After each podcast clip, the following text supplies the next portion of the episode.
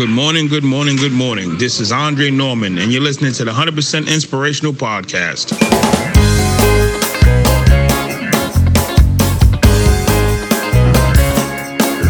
Hey, wat goed dat je luistert. Hij staat weer voor je klaar. Je wekelijkse dosis inspiratie is weer daar. De allerleukste gasten geven al hun kennis prijs. Met je veel te blije host, hij praat je bij. Zijn naam is Thijs. Thijs, Thijs,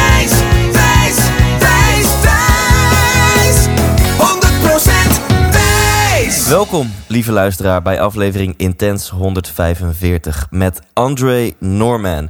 Eh, dit wordt een Engelstalig interview. En Andre heeft vorige week tijdens het Devoted event van Dolly en Ilko heeft hij zijn verhaal gedeeld. Ik was daar helaas niet bij, maar mijn telefoon werd overspoeld met appjes van mensen die zeiden: Thijs, deze man is nu even in Nederland met een bijzonder verhaal. En als die in een podcast moet plaatsnemen, dan is het wel die van jou. Nou, en met dank aan Ilko die de connectie heeft verzorgd, eh, is dat ook gebeurd. En verder wil ik niet al te veel zeggen over het verhaal van Andre, want dan laat je je minder verrassen tijdens dit gesprek. Laat ik in elk geval zeggen, Andre heeft zogezegd verkeerde dingen gedaan in zijn leven, maar hij heeft ook hele mooie, goede dingen gedaan. Ehm, en één anekdote wil ik met je delen. Laatst ehm, vertelde ik op Instagram dat ik om 11 uur ochtends liep ik eh, de Albert Heijn binnen. En daar, eh, daar zat een dakloze man voor de deur. Met twee, drie eh, blikken half liter bier in zijn hand. En toen deelde ik ook op Instagram van... Nou, vroeger zou ik hier langs hebben gelopen en denken... Ja, domme sukkel, eh, jij hebt de verkeerde keuzes gemaakt in het leven. En als jij gewoon net zo hard zou werken als ik... dan had je daar nog niet gezeten. En inmiddels denk ik daar wat anders over. En ik liep er langs en ik dacht... Ja, als ik eh, uit jouw moeder was gekomen... en in jouw omgeving was opgegroeid met jouw genen... dan had ik daar nu gezeten. En dat veranderde zoiets wezenlijks aan mijn gevoel richting hem, maar ook mijn gevoel richting mezelf. Uh, een gloed van dankbaarheid over dat ik in de juiste omstandigheden ben opgegroeid en dat ik wel bepaalde kansen heb gekregen.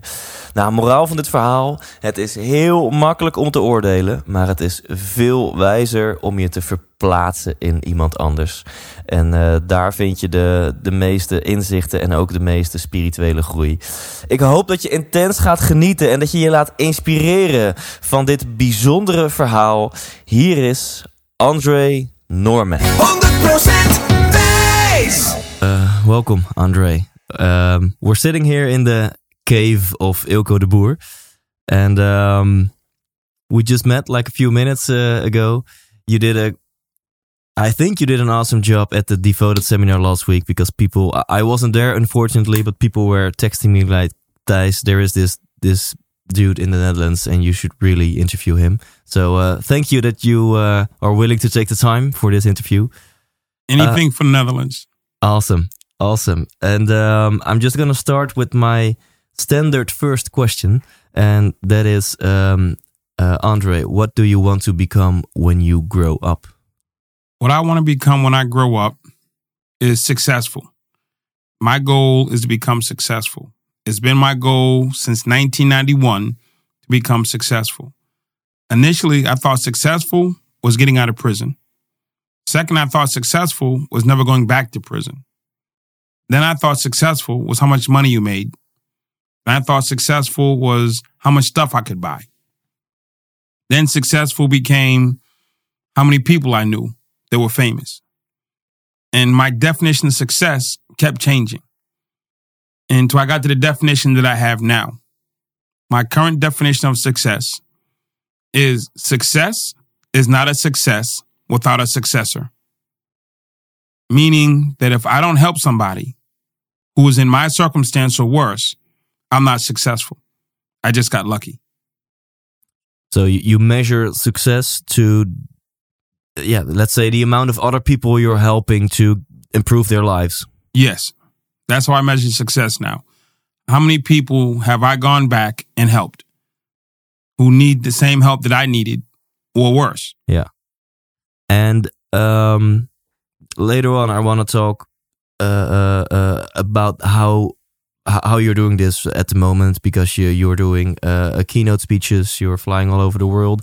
But let's start at the beginning because because the first thing you said first in 1991, I thought successful was getting out of prison. So I think a lot of listeners are now like, wow, uh, he was in prison. So I know it's a very wide question, but can you tell us the story? Where did you grow up and, and, and what happened that, that brought you in prison?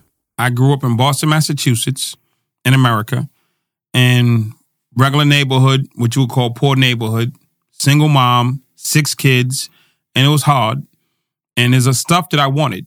When I got to be 12 years old, the other kids judged you based on the stuff that you had. Yeah. Did you have the right jacket? Did you have the right shoes? Did you have the right bag? All that was all that mattered. Who you were, what you were, didn't mean anything. If you didn't have the right pair of shoes on, you were nothing.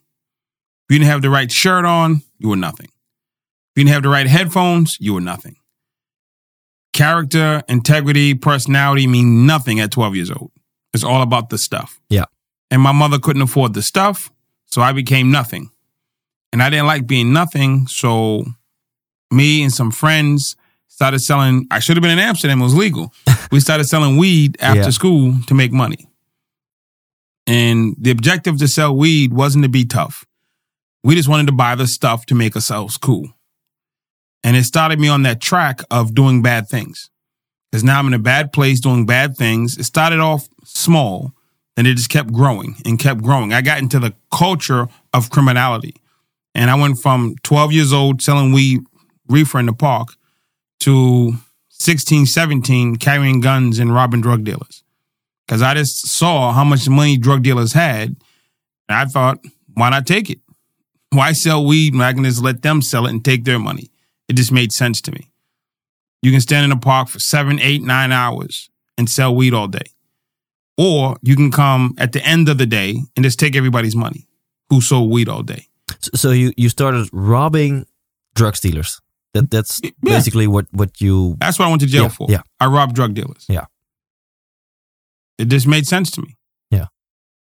And um so I, I think you're telling uh, a big story with with with like a, a few words. So what? How did your life um um like what what happened that got you caught and uh at, at what age did you went to prison? I was started at 12 and every day from 12 to 18, you're in the street every day. Yeah. And if you're in the street every day, you're going to see the police sooner or later and you're going to get caught. You're going to get caught one day for selling weed in the park. You get caught one day for having a gun. Get caught one day for a robbery. It just, I mean, no, I wasn't a great criminal. I wasn't like really, really good at it. It was just the thing that I did. Most people aren't really great at what they do. They just do it until somebody else catches them. So I was 18 years old and I found myself in court in front of the judge. And the judge gave me 20 years for robbing drug dealers. Yeah. He said 15 to 20 years for robbing drug dealers. There was a lot of other sentences he put in there, but the main one was 15 to 20 years for robbing drug dealers. At 18, they put me in a van. They drove me to a maximum security penitentiary and they dropped me off. And I was 18, sitting in prison, scared to death. Yeah. I was scared. I was scared that I was going to be stabbed. I was scared I might be raped. I was scared of who knows what could happen. So I was just scared. So when I first got there, I made up my mind that I wasn't going to be a victim and that I was going to be tough like I'd always been. But when I got there, I found something. All my friends from the neighborhood who quit football, all my friends from the neighborhood who quit band, all my friends from the neighborhood who quit sports, who quit church, who quit everything, they were all there. It was like a reunion of all my friends Wow. and it was like going home almost. It's like going to summer camp. Like you, like you know how they have summer camp. They do that here in the Netherlands. You go away for the summer. Yes, sort of. Yeah, yeah. There's week one, week two, week three. It's like all my friends went week one, yeah, summer yeah, camp. Yeah. and then I show up week three. They're like, "Hey, where you been, Andre? Yeah, we knew you were coming." I was like, "Where y'all been?" Wow. I, I think that shows the bad neighborhood you were growing up in. If if, if you meet all those boys uh, in prison. Yes, it was a bad neighborhood, Yeah. definitely. And and uh, before we go talk about, about the prison time, um, when you look at that like 12 to 18 year old kid uh, who is first selling drugs and then robbing drug dealers, do you are you like angry at that Andre, or do you feel sorry for that Andre? Do do you think that Andre had like a choice, or didn't he had a choice? I would love to say I had no choice. I would love to say nobody cared about me. I would love to say it wasn't my fault, but it was. When I got to prison, later on, when I finally woke up, I can look back at the 12 to 18 year old Andre, and I can see my music teacher who tried to save me, and I wouldn't listen. I can see my ninth grade um, leadership coach, Mr. Duval, who tried to save me. I wouldn't listen. There were several teachers and people in my life that tried to save me, but I wouldn't listen. My problem was my dad left when I was small. And the truth is, I wanted my dad to be my hero. I didn't want a music teacher. I didn't want a leadership teacher. I didn't want a math teacher to be my hero. I wanted my dad to be my hero. So everybody who came to try to save Andre, I pushed them away. It was my choice.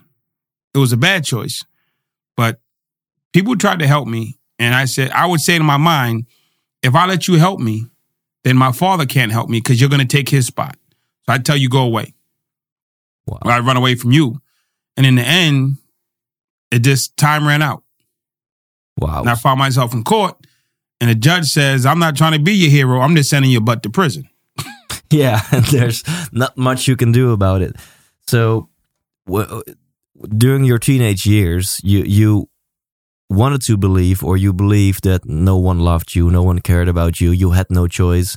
And later, when you got into prison, you started to realize, damn it, I was just ignoring, denying the the help that people were trying to give me. Yes.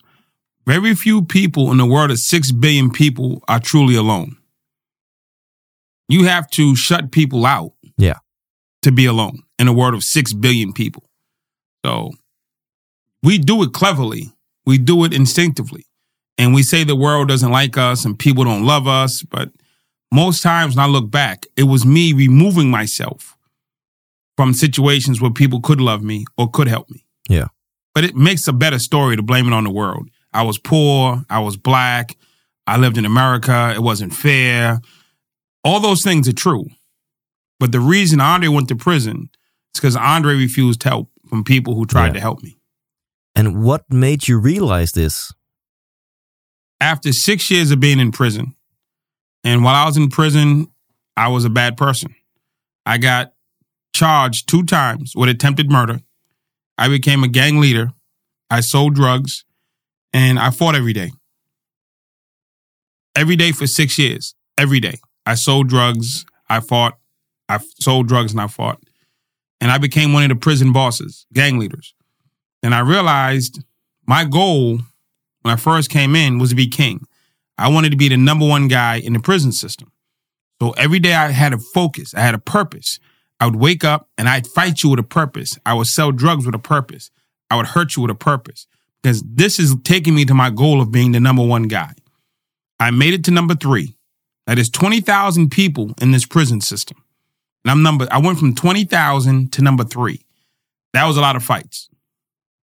And you can't lose any. So I get to number three and I got a chance to become number one. And I realized something. To be the number one person in prison, I become the king. And the truth is, I was going to become the king of nowhere.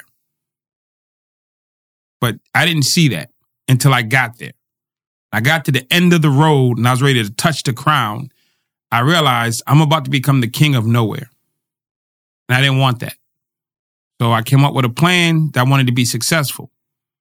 And again, my first definition of successful was getting out of jail and not coming back. Yeah. That was my definition of successful. And, and first of all, because I don't think in Holland we have something like this, are there like charts or a sort of ranking of the, the, the baddest guys in prison? Yes, it's kind of like boxing. It's like who like Mike Tyson was the baddest man on the planet. Period. Mike Tyson, when he was a boxer, he was the baddest man on the planet. And it was somebody else that was number two, number three. It's like the unofficial. You can be the champion and not be the pound for hmm. pound best. Everything in boxing called the pound for pound best. Yeah. And it's like the toughest for toughest best. And that's how you see it in the system, in the prison system. It's a ranking. It's who's the pound for pound toughest guy in this system. And there's no belts, but you know that's the king. Then it, you just it's a line. It's a ranking. Yeah. So I was number three in the ranking. Yeah. And I think people maybe they see you right now, they're watching this on YouTube or they're listening uh, on Spotify or iTunes or whatever, and they, they hear, I think, a very nice guy. But when you tell a story like this, that you you were one of the biggest badasses in, in the American prison for six years, um, I, I think it's hard to link the guy they're hearing now to the story you're telling. So, so The problem is you watch too many movies. It's not me, because I was really in prison for 14 years. I was really convicted twice of attempted murder in prison. I was really that guy. I was a badass, as you called it. So it's not me that you have a problem with. It's the movie that you saw. You watch too many American movies about prison. You watch too many rap movies, rap videos about gangsters. Those movies aren't true. That's TV. It's, it's actors. That's not how it works. I was never a mean guy. I was never a loud guy. mm, I was serious. I was about my business. But I mean, everybody who does motivational speaking doesn't look like Tony Robbins. But he's the model. You're Yeah. not I had a guy tell me the other day, you couldn't be a gang member. I said, why? He said, you don't look like a gang member. What does a gang member look like? He said, no. I saw the movie, I saw the video. Yeah, yeah. You're not him. And that's what they say. What does a rapper look like? What is a, what does a Formula One driver look like? Yeah. There's there's no look. Yeah. But then there's a stereotype. See, I don't look like the stereotype. I don't sound like the stereotype. But there's millions of people who've been to prison that don't fit the stereotype. Yeah, Yeah, I think this is a great distinction before people think that you were you, you said something literally just then like you- weren't super mean or, or, or angry or loud, but you just understood the the hierarchy and Right. and and uh, Now Right. let's take Muhammad Ali was a champion of the world. Nice guy. Mike Tyson, champion of the world. Different guy. Different different perception. Yeah. Different stereo. Muhammad Ali, articulate, he's smooth, he's graceful. And Mike Tyson's like, I'm just gonna crush and kill you. yeah But they were both the same champion yeah for the same belt. Yeah. But they're two different people. So what does a champion look like? Muhammad Ali or Mike Tyson? yeah. So back to your story. So you you got to number three, Got to number three. and then you had like this realization of I'm King of nowhere. exactly. Continue. So I, I had the realization of king of nowhere. And I know it's not a super religious country, but God spoke to me and said, Andre, enough. and I argued with God because I never went to church. And I said, God, you don't care about me. All of my life, there's been no God. When my mother used to get beat up by my father, there was no God. When kids threw rocks at me on the bus and called me a nigger, there was no God when we were poor and didn't have food, there was no God. When kids made fun of me when I was 12 because I didn't have the stuff, there was no God. When my sister became an addict and a prostitute, there was no God. So I don't need you. I told God, leave me alone. Go find your people. I'm not one of your people. And God stayed in my face and said, No, Andre, don't do this. In the end, I listen. I go back to my cell. I don't hurt anybody that day. I said, well, if I can't be a tough guy, why be in prison? So I said to myself, I want to be free. First time ever, six years, I said, I want to be free. But then I looked around at all the people who got free, and everybody who got free, white, black, Spanish, Asian, they all came back to prison. Free didn't work. I said, I don't want to be free because free doesn't work. That's when I said, I want to be successful because successful people don't go to prison. So I said, where do I go? I go to university. So I picked Harvard University. I said, I'll go to Harvard University. I'll be successful. And I came out my cell the next day. I rounded my gang up and I told them, I'm going home. I'm going to Harvard. I'm going to be successful. They wanted to laugh at me, but I had a habit of stabbing people. So nobody laughed. And then my best friend pulled me to the side and said, Andre, you can't go to Harvard. I said, why? He said, you're black. He said, you're a criminal. He said, you can't read. He told me all the reasons I couldn't go. And I just brushed him off. And I called my mom And she said the same thing. And I called my dad. I told my dad, I said, I know you don't love me because I've been bad my whole life. You don't love me. I gave him all the reasons he didn't love me. At least the, the excuses I gave him. And he told me I couldn't go to Harvard. I said, I'm going to make you proud. I'm going to go to Harvard. I'm going to make you proud. He told me I couldn't do it. I said, why? He said, it's not who we are. He said, that's not who we are. You come home, you get a job in a factory, and that's it. You have a good life. I said, that's not a good life, Dad. He said, yes, it is. And we argued. And he told me I don't listen. He called me a dummy and he hung up on me. Wow. Because my father was born in the 40s in Virginia, in the South. When my father was born, he was not allowed to be born in a hospital because he was black.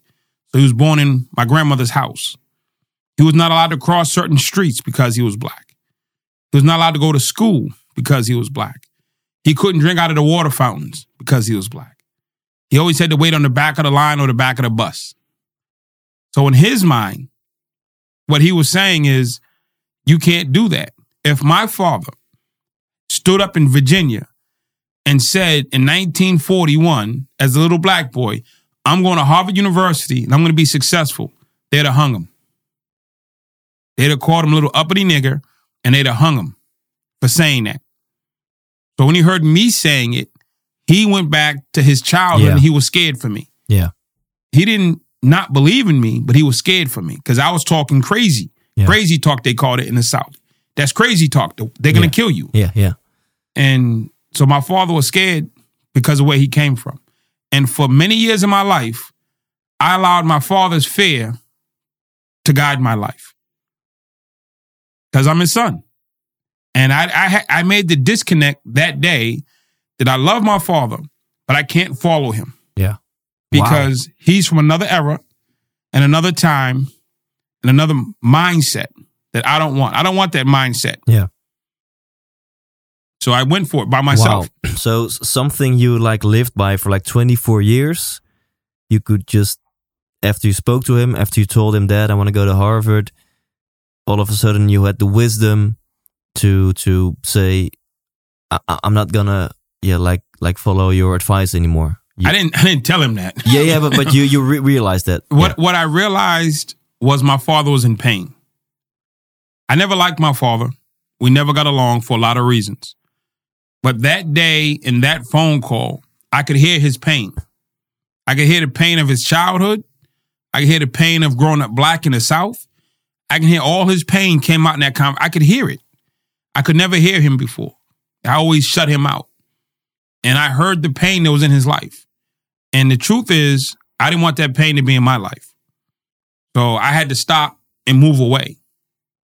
Didn't cut him off, but I understood if I don't walk away now, Yeah.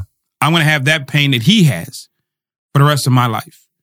And I can't live in fear. I can't live in 1940 Jim Crow South. So I, I said, I Yeah. need to do this. And most people listening to your podcast, they'll have a great idea, whether it comes from God, it comes from a movie, it comes from inspiration. They'll have the greatest idea ever. And the worst thing that they could do is run to their friends and family and tell them the idea that was given to you was given to you. It was not given to the group. It was not given to the family. So when you get that great idea and you run to the people that are closest to you who know you for being one thing or being one way, now you're trying to tell them you want to be something different.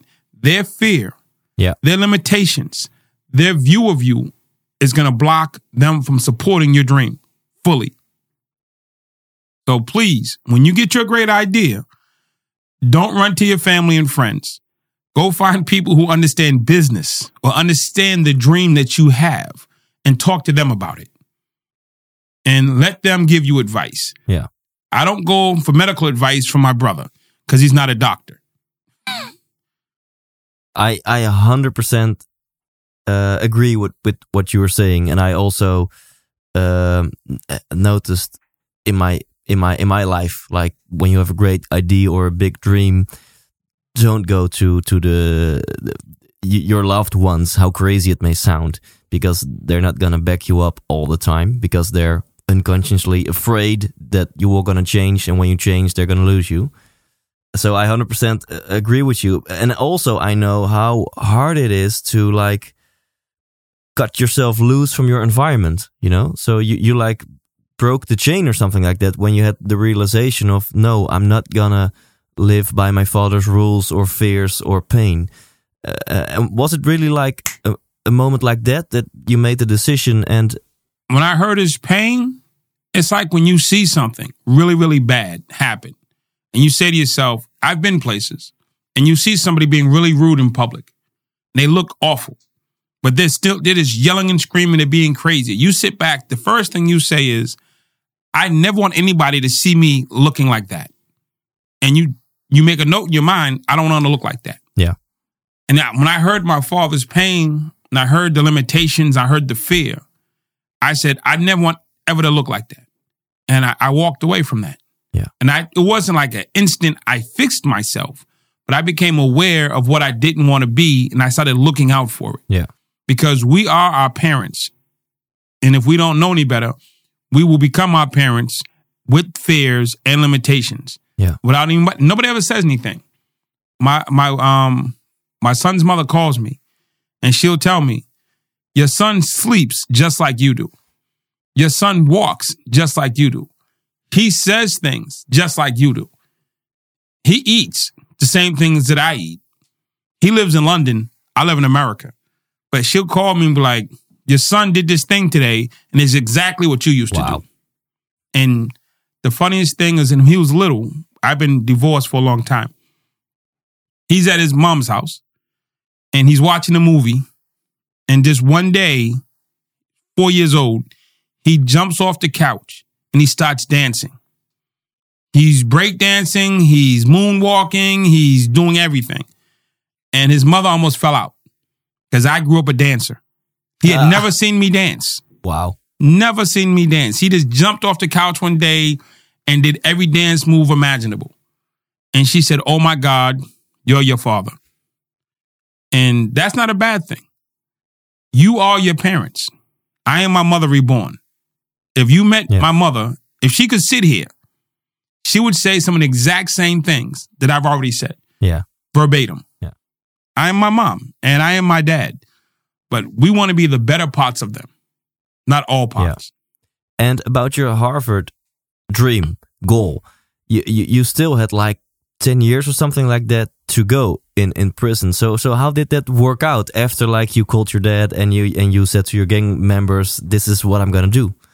What I had to do first was ask myself, do I really want to do this? And am I really ready? Because I didn't know what hard was going to be, but it was going to be hard. Yeah. And I had to change some things in my life. I can't sell drugs and say I want to go to Harvard.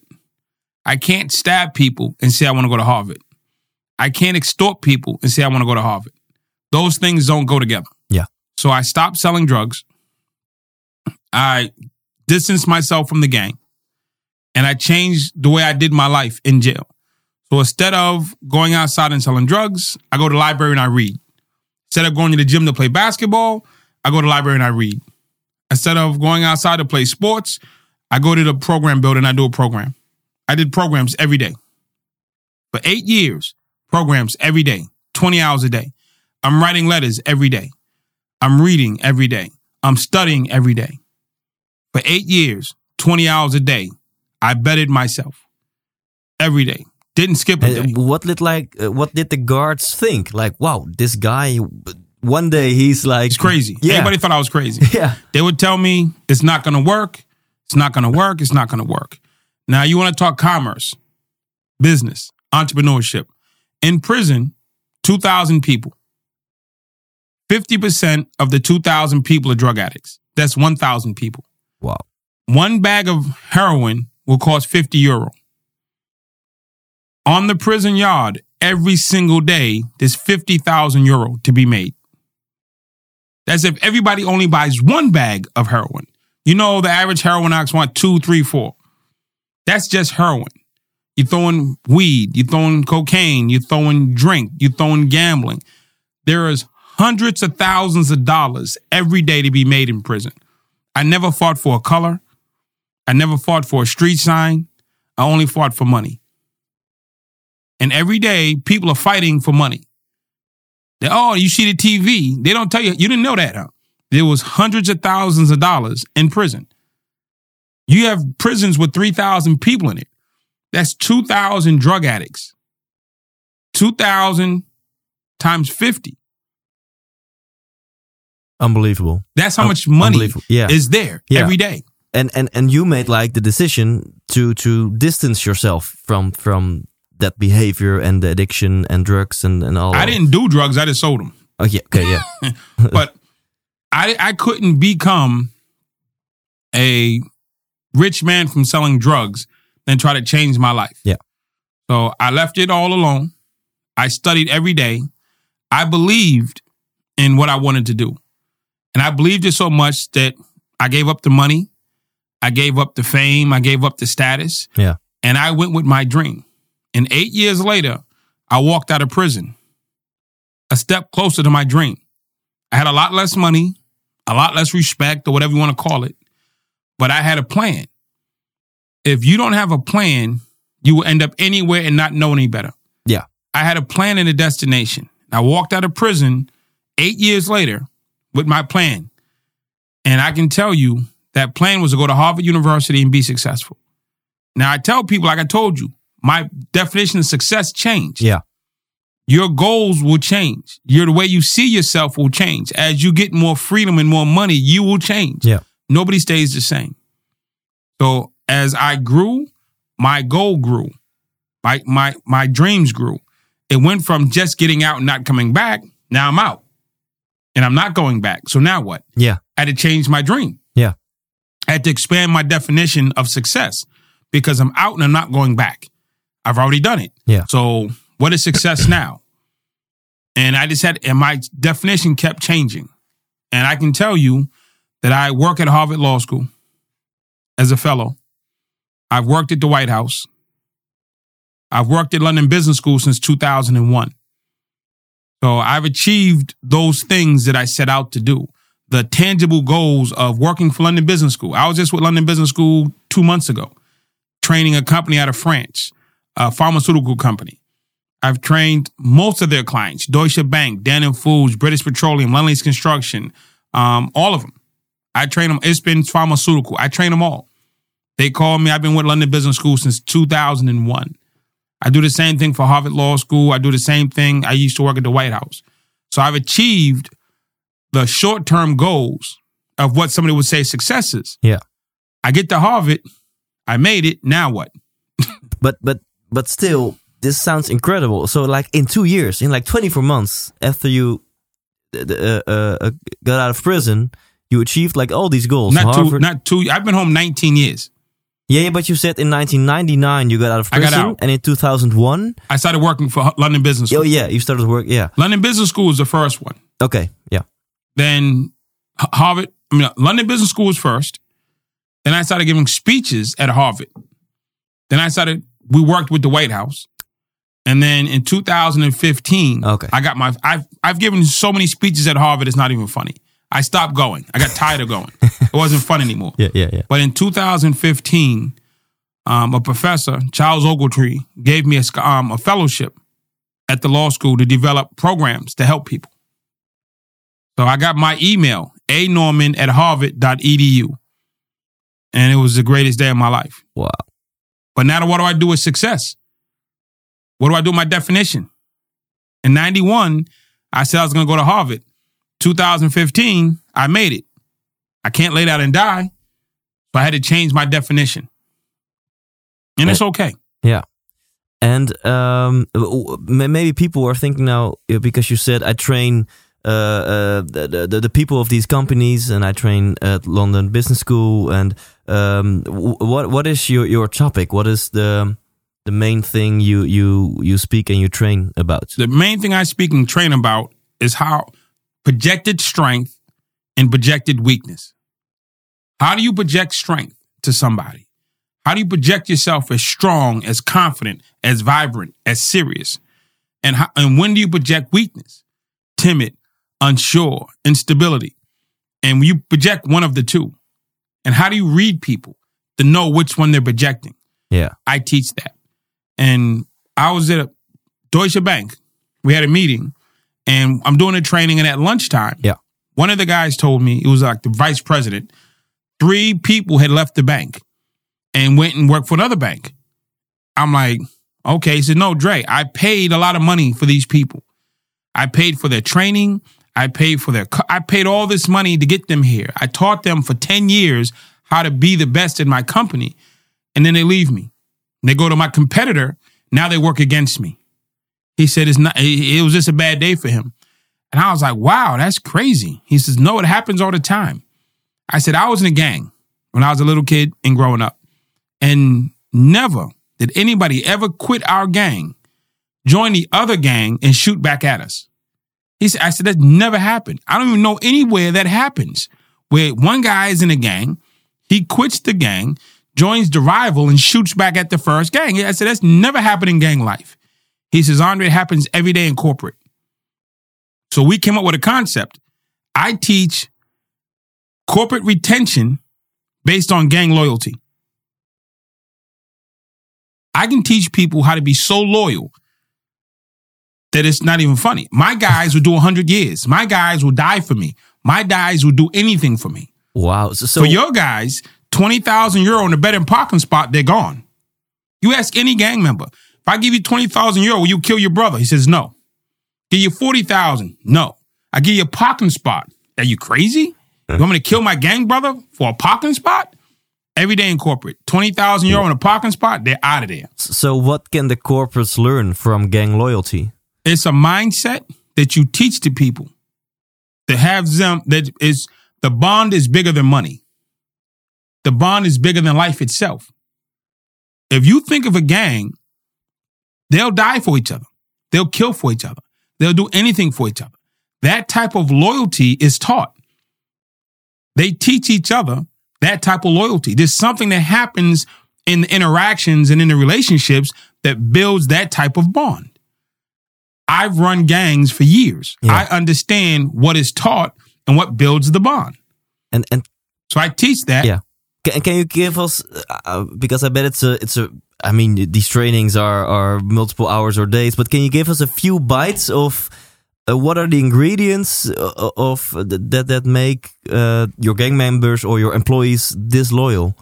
Well, in in gangs, the average person you get is has a problem. His father's not there. He's poor. He was getting picked on. He needs protection. He's not cool. He wants to fit in. He's scared. He has whatever problem he has. There's something that brings him away from his family to us. I need to understand what that is and how he sees it. Now, if you're scared of the dark, and I'm not, I can say that's easy. No, no, you're scared of the dark. So I need to know that. So I can help you through that. I'm going to make you not scared anymore. I'm going to be with you when it's dark outside. I want you can believe in me that I'm going to cover you for your biggest fear. And because I cover you and because I walk with you, because I am with you in that space, your loyalty attaches to me. And so and and when you translate that to the corporate, You need to find out the guy that's coming to you or the lady that's coming to you, why? Why do they want to be an accountant? Why do they want to be in law? What does their family look like? What does their family dysfunction look like? Who are they? See, what happens is a guy puts his his his resume in.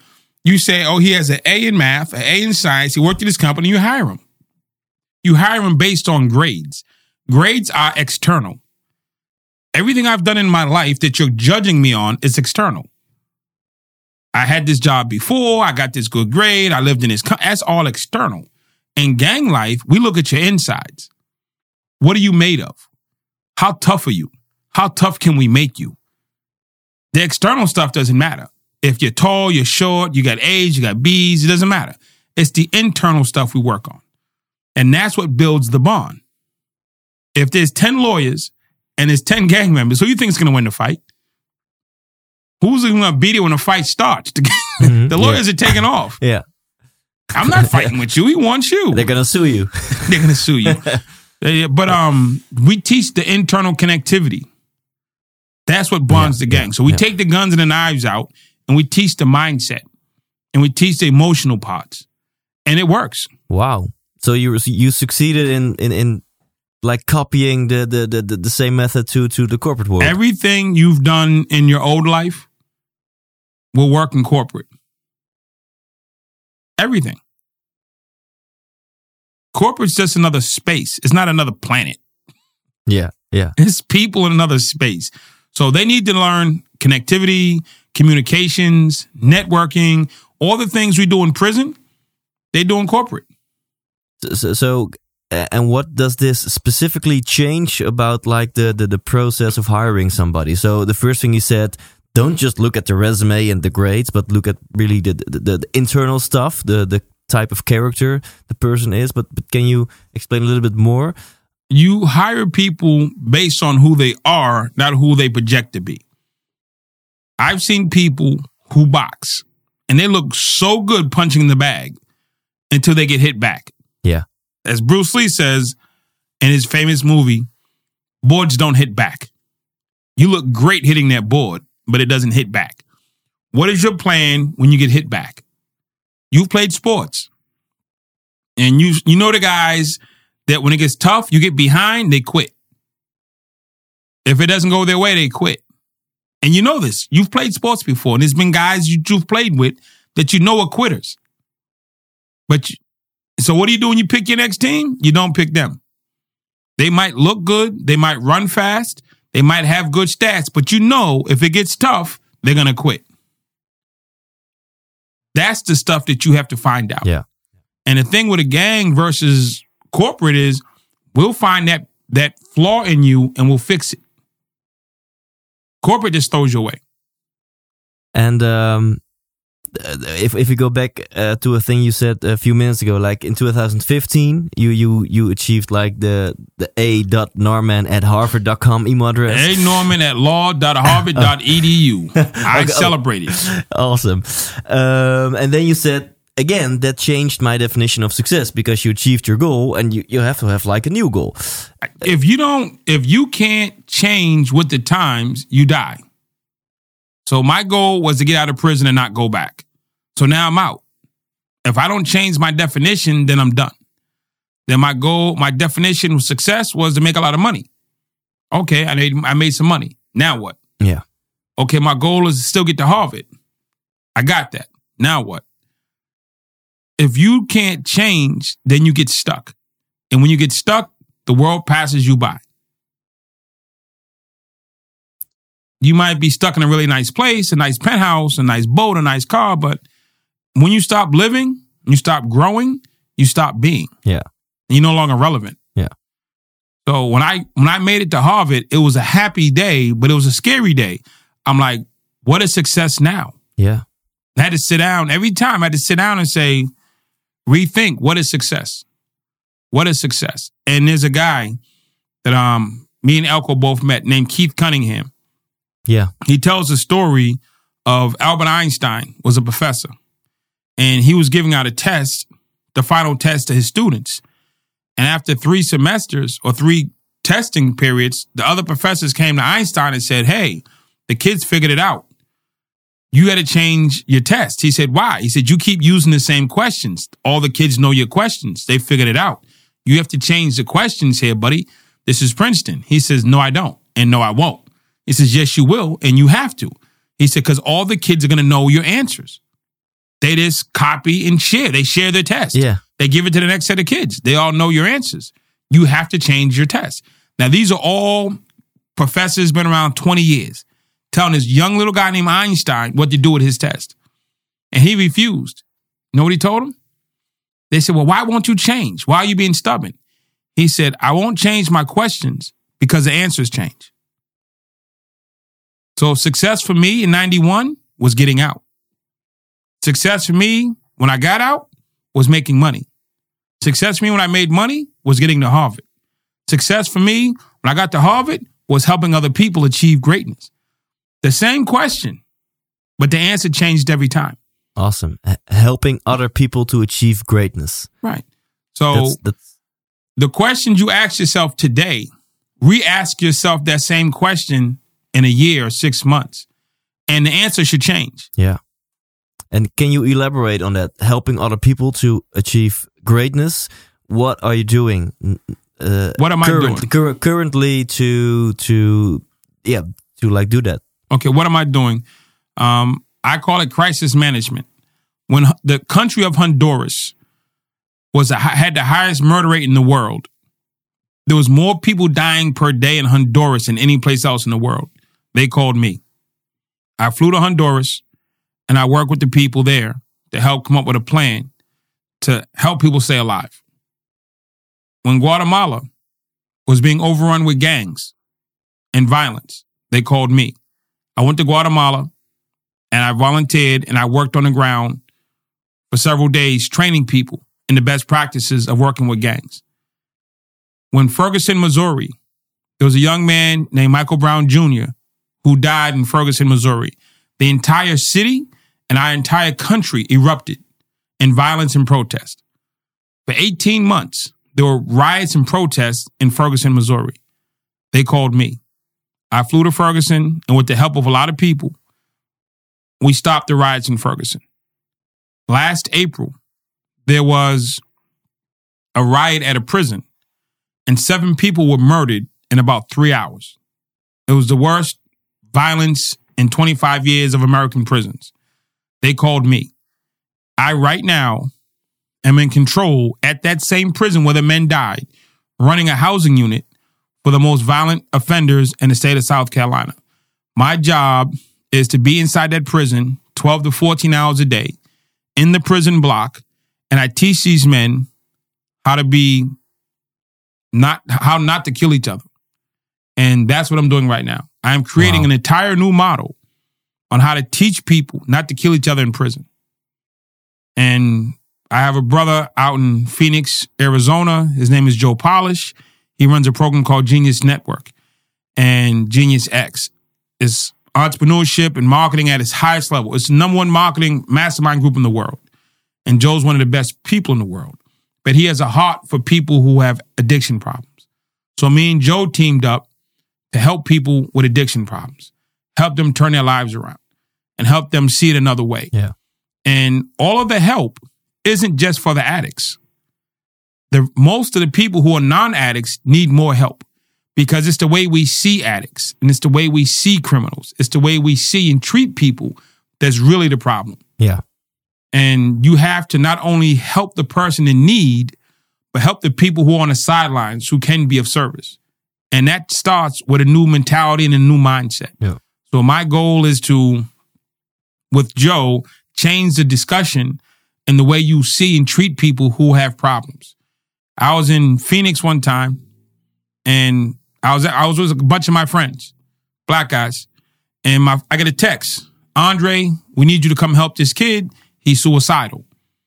So I told my friends, hey, um, I'm about to leave. I gotta go do an intervention.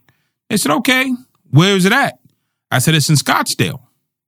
It said Scottsdale. It said no black people live in Scottsdale, Andre. Why would you go there? I said, I looked. I said, that's the address. That's what they gave me.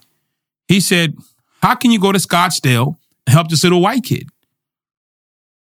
Because he's on drugs. He's trying to kill himself. They said, well, when we black people sold marijuana, we were criminals. They threw us in jail. Now they sell, the country, the government sells marijuana legally on the same corners we did but we can't get out of jail. When black people did heroin, we were the criminals. We were bad people. They gave us thousands of years in prison. Now, white kids do heroin and it's a health epidemic. How can you justify helping this little kid when they don't help us? They don't let us out of prison. They don't change anything for us. And they looked at me and I told them, this 15 year old boy didn't make a law. This 15 year old boy doesn't own a dispensary. This 15 year old boy is not the government. He's just a 15 year old boy and he deserves to live. His parents might be racist. His parents might hate me. I don't care. I'm not going to help them. I'm going to help him. And I explained to him, I said, You got kids. We got kids.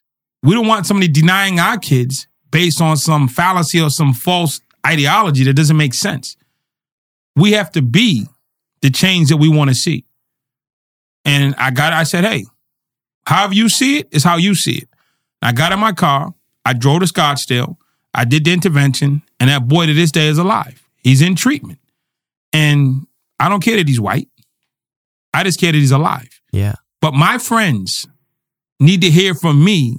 We needed to have that discussion because they're angry. And they're angry and they think they're right. They believe their anger gives them the right to be mean or to be vicious or to be discriminatory. And it doesn't. Your anger gives you the the the right to be to be to be moved to Yeah. do something, not sit around and complain. Yeah. But they needed to have the conversation with me so they can learn. Because if they don't have that conversation with me, they walk around with that mindset that white people are bad, the government is bad, it's not fair. It's not about being fair, it's about doing what's right. And we can't ask someone else to do what's right if we're not going to do it. And I go, I help white kids, black kids, Spanish kids, I don't care. And people, oh man, how do you help? Listen, everybody on this planet deserves to live their best life. And if I can help them, I will. If that means you don't want to be my friend anymore, it was nice knowing you. You don't, de- I won't live in my father's fear. I won't live in your fear. I won't live in my father's limitations. I won't live in your limitations. I live the life I want to live. Yeah. I work for Henry Norman Incorporated and I love my boss. That's the great part about being an entrepreneur. Yeah, that's that's great. By the way, this is this is a great freaking story. And how does it feel for you when you're helping this kid? I mean, your mission is to to help people to to achieve greatness. So how, how does it feel to have this impact, this positive impact on this kid? I say all the pain that I went through has been repurposed for a reason. Everything that your listeners have gone through went through it for a reason.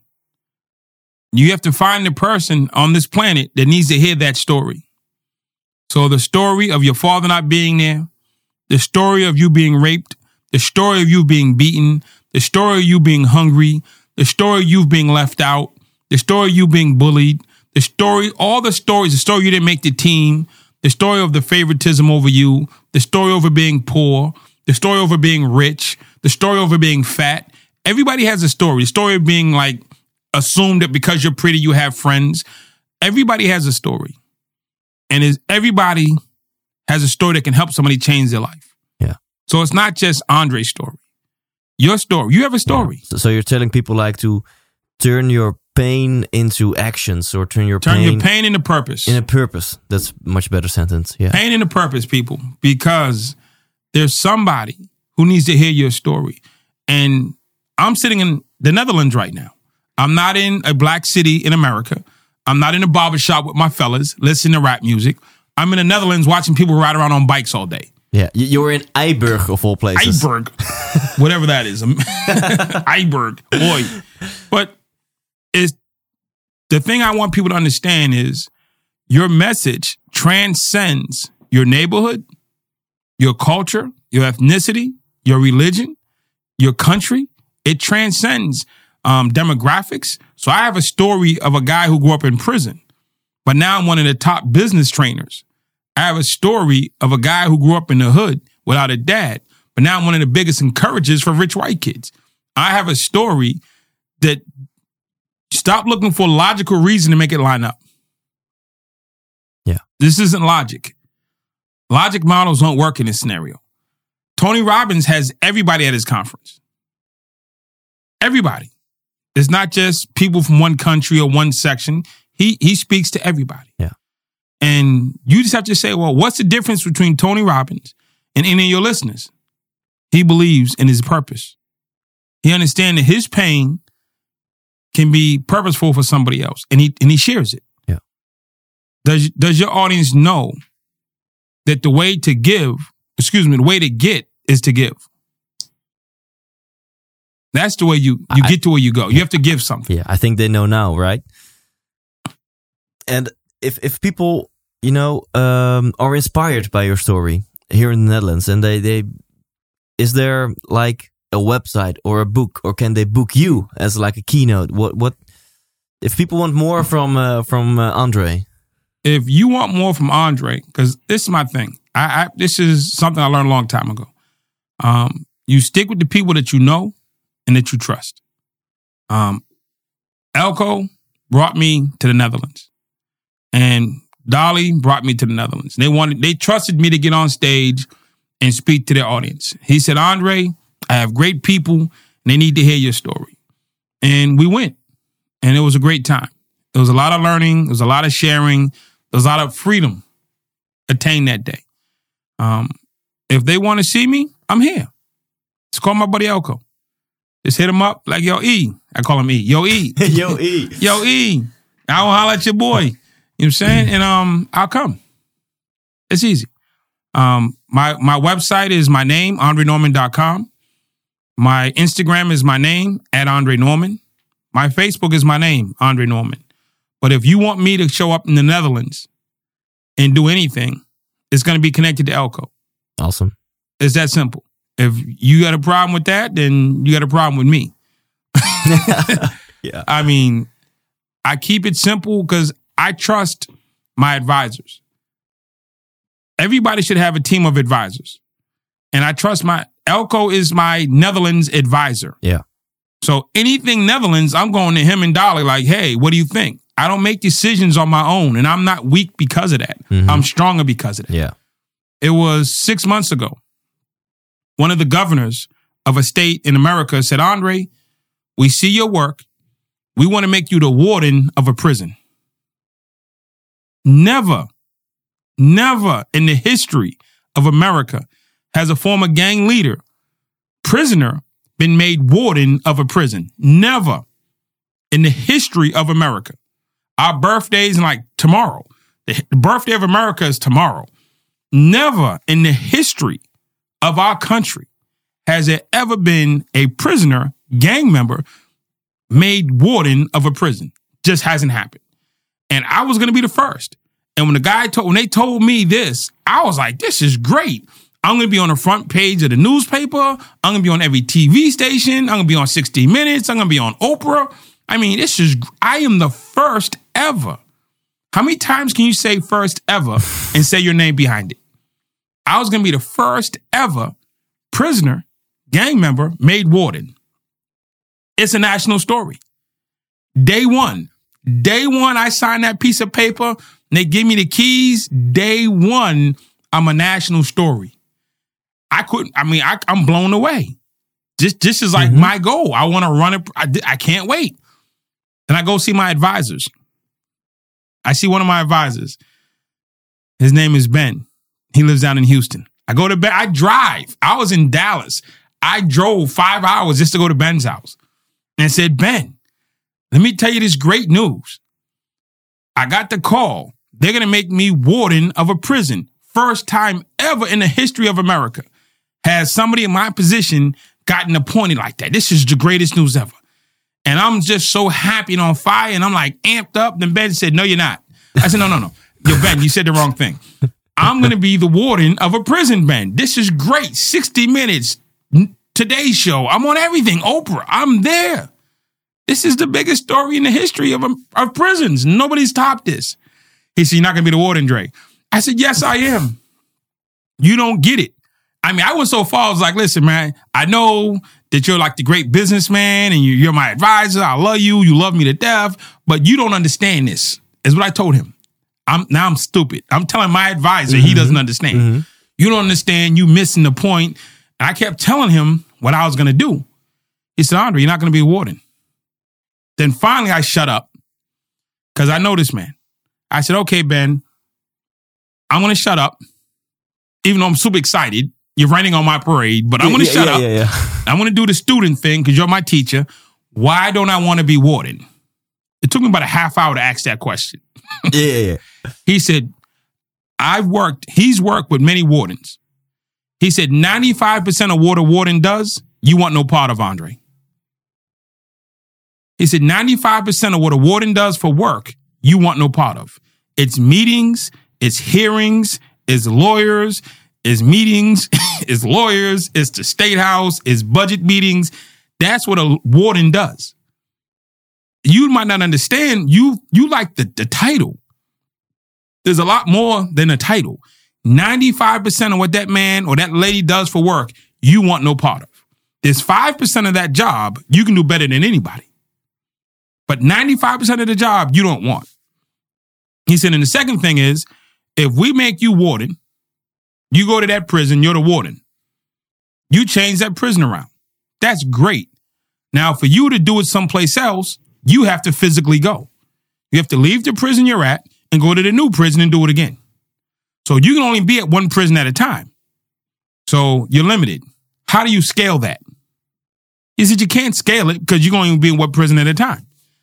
And you can't be at 10 prisons. He said, what you're going to do is you're going to call those people back. You're going to tell them, give me your top five or six people who should, that you want to see warden. And I'm going to train them in the 5% of what I do better than anybody on the planet. Yeah. And I'm going to train them how to be wardens like me. Yeah. And then I'm going to walk them through it. I'm going to have a training course on how to be the best warden ever. Awesome. He said, Dre, you do that and you impact the entire system and it's scalable. Awesome. And, and I think the 5% is about how can you make a positive impact on the prisoners, But- knowing what you know. Yeah, but the, the point was, I thought I had the greatest offer ever. Yeah. And your, your, your, your I am- ego went nuts. Oh I mean, Forget ego. I had the greatest offer ever. yeah, yeah, That offer has never been made to another American prisoner before. yeah. I had the greatest offer ever made to a former prisoner, former gang member. But the thing is, because I have trusted advisors who know way more than me on any given day, and I respect them, I love them, and I listen to them, Yeah. I was able to get solid advice. Now, had I went to my brother or my cousin and said, hey, he said, we're going to be in Oprah together. Let's go. We're going to be in the newspaper. Let's go. Trusted business advisor gave me trusted business advice. Yeah. And the advice he gave me saved me from being in a prison of being a warden. Yeah. I'd have been back in prison again the wrong way. I think it, it would have been like on top of the world for uh, Two a weeks. short for two weeks, literally, then I'd felt like I was in prison again. and then like uh, for, for 95% of your time. I'd have been in meetings. exactly. Yeah. yeah. But that's my point That's- to your to your listeners. Elko for me is my advisor here Yeah. in this country. So anything Netherlands, I'm calling Elko. awesome. And and Elko advised you to do this podcast, so Yeah. he has great advice. He gave he said, Andre, he drove me here. He Yeah. gave us his office. Yeah. On his birthday, he took the time to set this up. yeah. So if I'd love to work with everybody. What sounds great to me also needs to sound great to my advisor. Yeah. Yeah. 100%. So, 100%. I mean, I have no problem helping anybody anytime, but understand you should have a process. And my process is I have people I trust, people I love, and people who know more than me. Yeah. And I'll get excited, but I'll shut up and listen at the end. And so anything Netherlands, I go to my brother and say, oh, Dolly, brother and sister, wh- this is what it is. And they'll give me advice Yeah. on how to proceed. And that's easy. And now, at, at like the end of this interview, two more short questions. The first one is um, your mission to to uh, uh, help people achieve greatness. I know that a lot of my listeners are coaches, are trainers. They do one-on-one coaching, or they do seminars, or they do online stuff about personal leadership. So they also want to help other people people to achieve greatness. What is your number one advice to those people? my number one advice that I give to people and I use myself is called reflective listening. I mean, you can have all the right answers, but you don't really give it in the right way. So I want to, what I do personally is I listen, not just to what they say, not just to how they say it, but how they feel, how they feel about it. How does it impact them internally? because not just how much money does it make or how many follows will it get you or how many people will subscribe. What is the impact on the person? What is it that's really that you're hearing verbally spiritually emotionally vibes? What is a person saying? What are they giving to you? It's not just a question it's not it's never just a question and when they get caught up in the hype like i did with, with my prison thing my advisor didn't he didn't get caught up in the hype. He didn't Yeah. start dancing around the fire and saying, We're going to be the best warden ever. No. he stayed focused and he heard my heart. Yeah. And he spoke to my mission. He knew my mission. I wanted to help as many people as possible. He said, You being a warden doesn't achieve your mission, Andre. This will achieve your mission. So reflective listening. Um, we do whole trainings on that. Yeah. There's trainings on that. You can get it a lot of places. So listen to your people and know where they want to go and don't get caught up with where they are. And and what do you mean by your people? Do you mean listen the people who are who, the people who are, are connected to you. If you're coaching or Yeah. you're doing seminars or you're doing one on ones or you're you're at work and you're just talking to the people in the, in the booth next to you, understand the person. Because when you understand the person, then you can give the right advice. Yeah. If you only understand the situation, situations change, variables change. People don't. So I'm the same person I've always been. My goal is clear. My advisors know my goals. They know my purpose. They know my mission. They know my heart. So they know my heart, not just how much money I want to make this month. Yeah. Yeah. So when when Ben speaks to me, uh, Dave speaks to me, or Keith speaks to me, or Rusty speaks to me, or John speaks to me, or I can go down the list. Joe speaks to me, or Cameron speaks to me. I have so I got so many advisors. When they speak to me, they don't speak to my situation. They speak to my heart.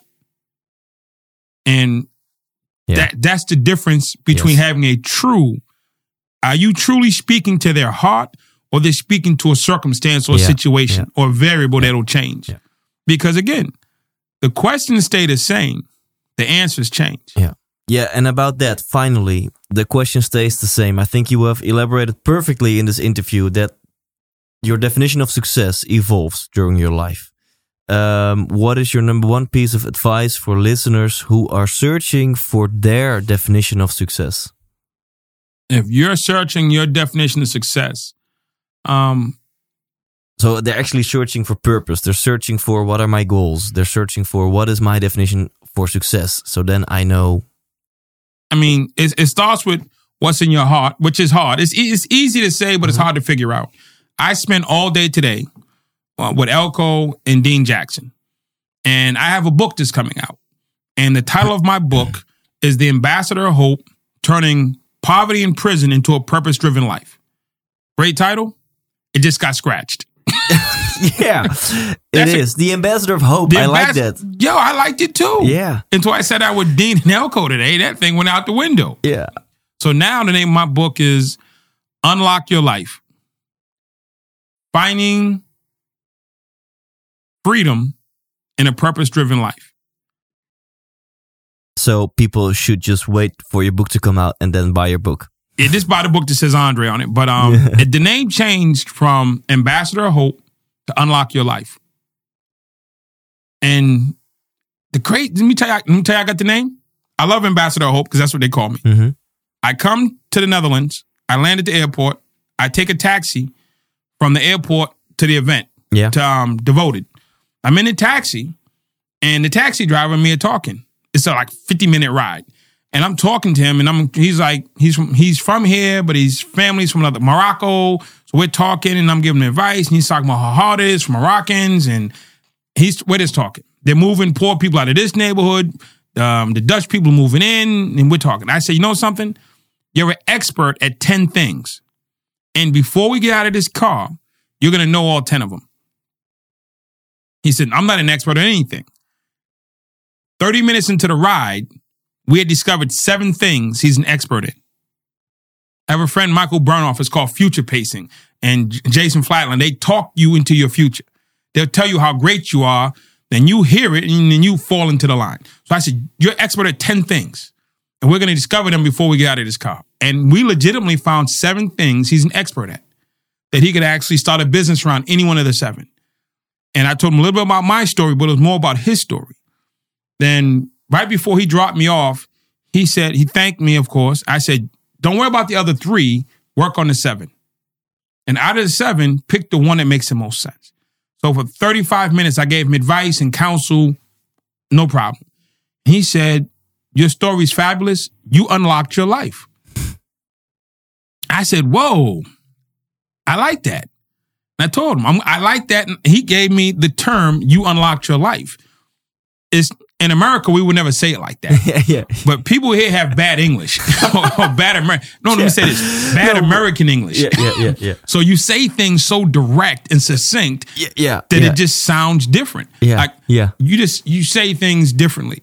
And when he said you unlocked your no American would ever say that because it doesn't make sense in the way we speak. But Yeah. it made perfect sense to him. He said, You unlocked your life. That is the greatest quote I've gotten in 20 years. I said, I'm keeping that. Thank you. We're calling it even now. yeah, yeah. 40 minutes of counsel for one's term. Yeah. And I shared that term with Elko and Dean Jackson, and they said, That's the title of your book Unlock Your Life. Because that's what I did. And I got that because I was willing to be helpful to Yes, a stranger. Awesome. And I think indirectly you answered my question. So if people are looking for purpose, looking for their definition of success, Help somebody. find yeah, help somebody and or find 10 things you're an expert at that will help you. Right. Right. If you if you think your life is tough, go to a shelter. Yeah. Go to a homeless shelter. Go to a senior home. Go to a hospital. Go to a jail. Go to a drug rehab. And you start talking to people. See, those people who are down at their worst are going to give you honest conversation. They're going to give you honest, direct feedback, yeah. not the stuff that pats on your back and not Yeah. the stuff that you run through a, a filter. Yeah. And they're going to talk direct to you and sit quiet time, thinking time. I call it solitary time because I did two and a half years in solitary. Go by yourself and you sit down.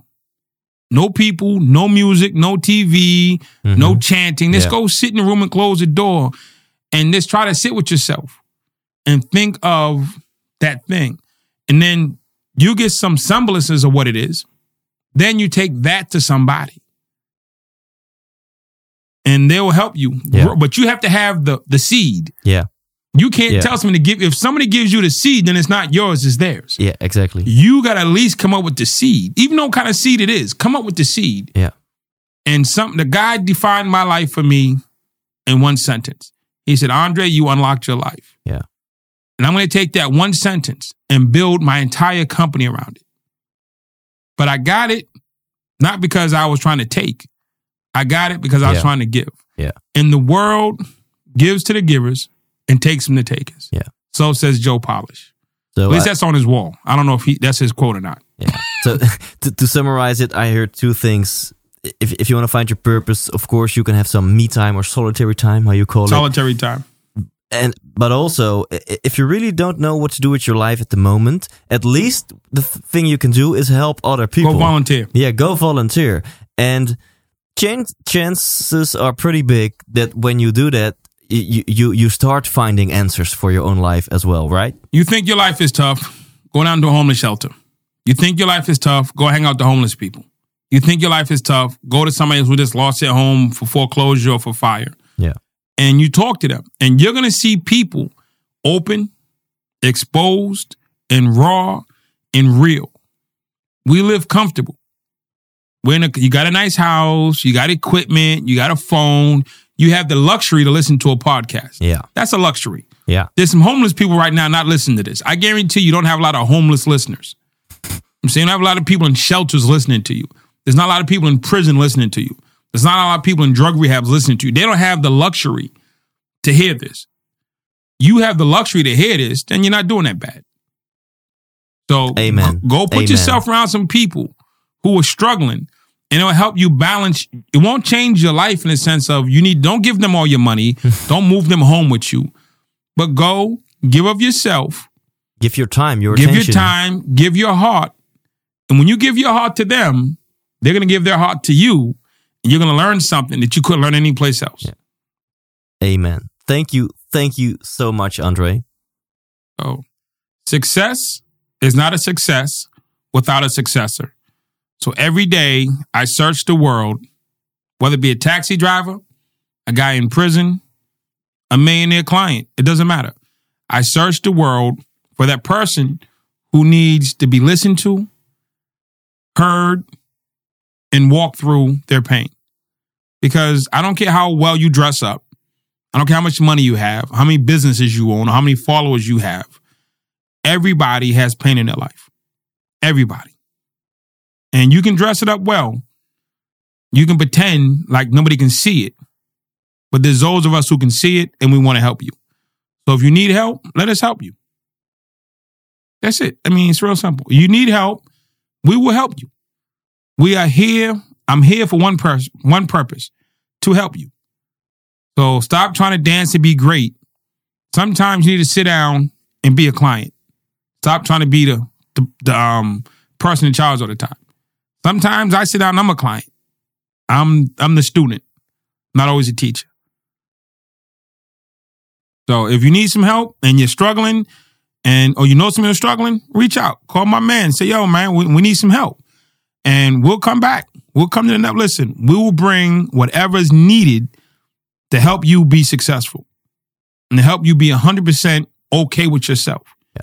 No more make believe, no more projecting, no more stuff. I got the cool shoes or the cool bag or the cool car. We want you to be happy with you.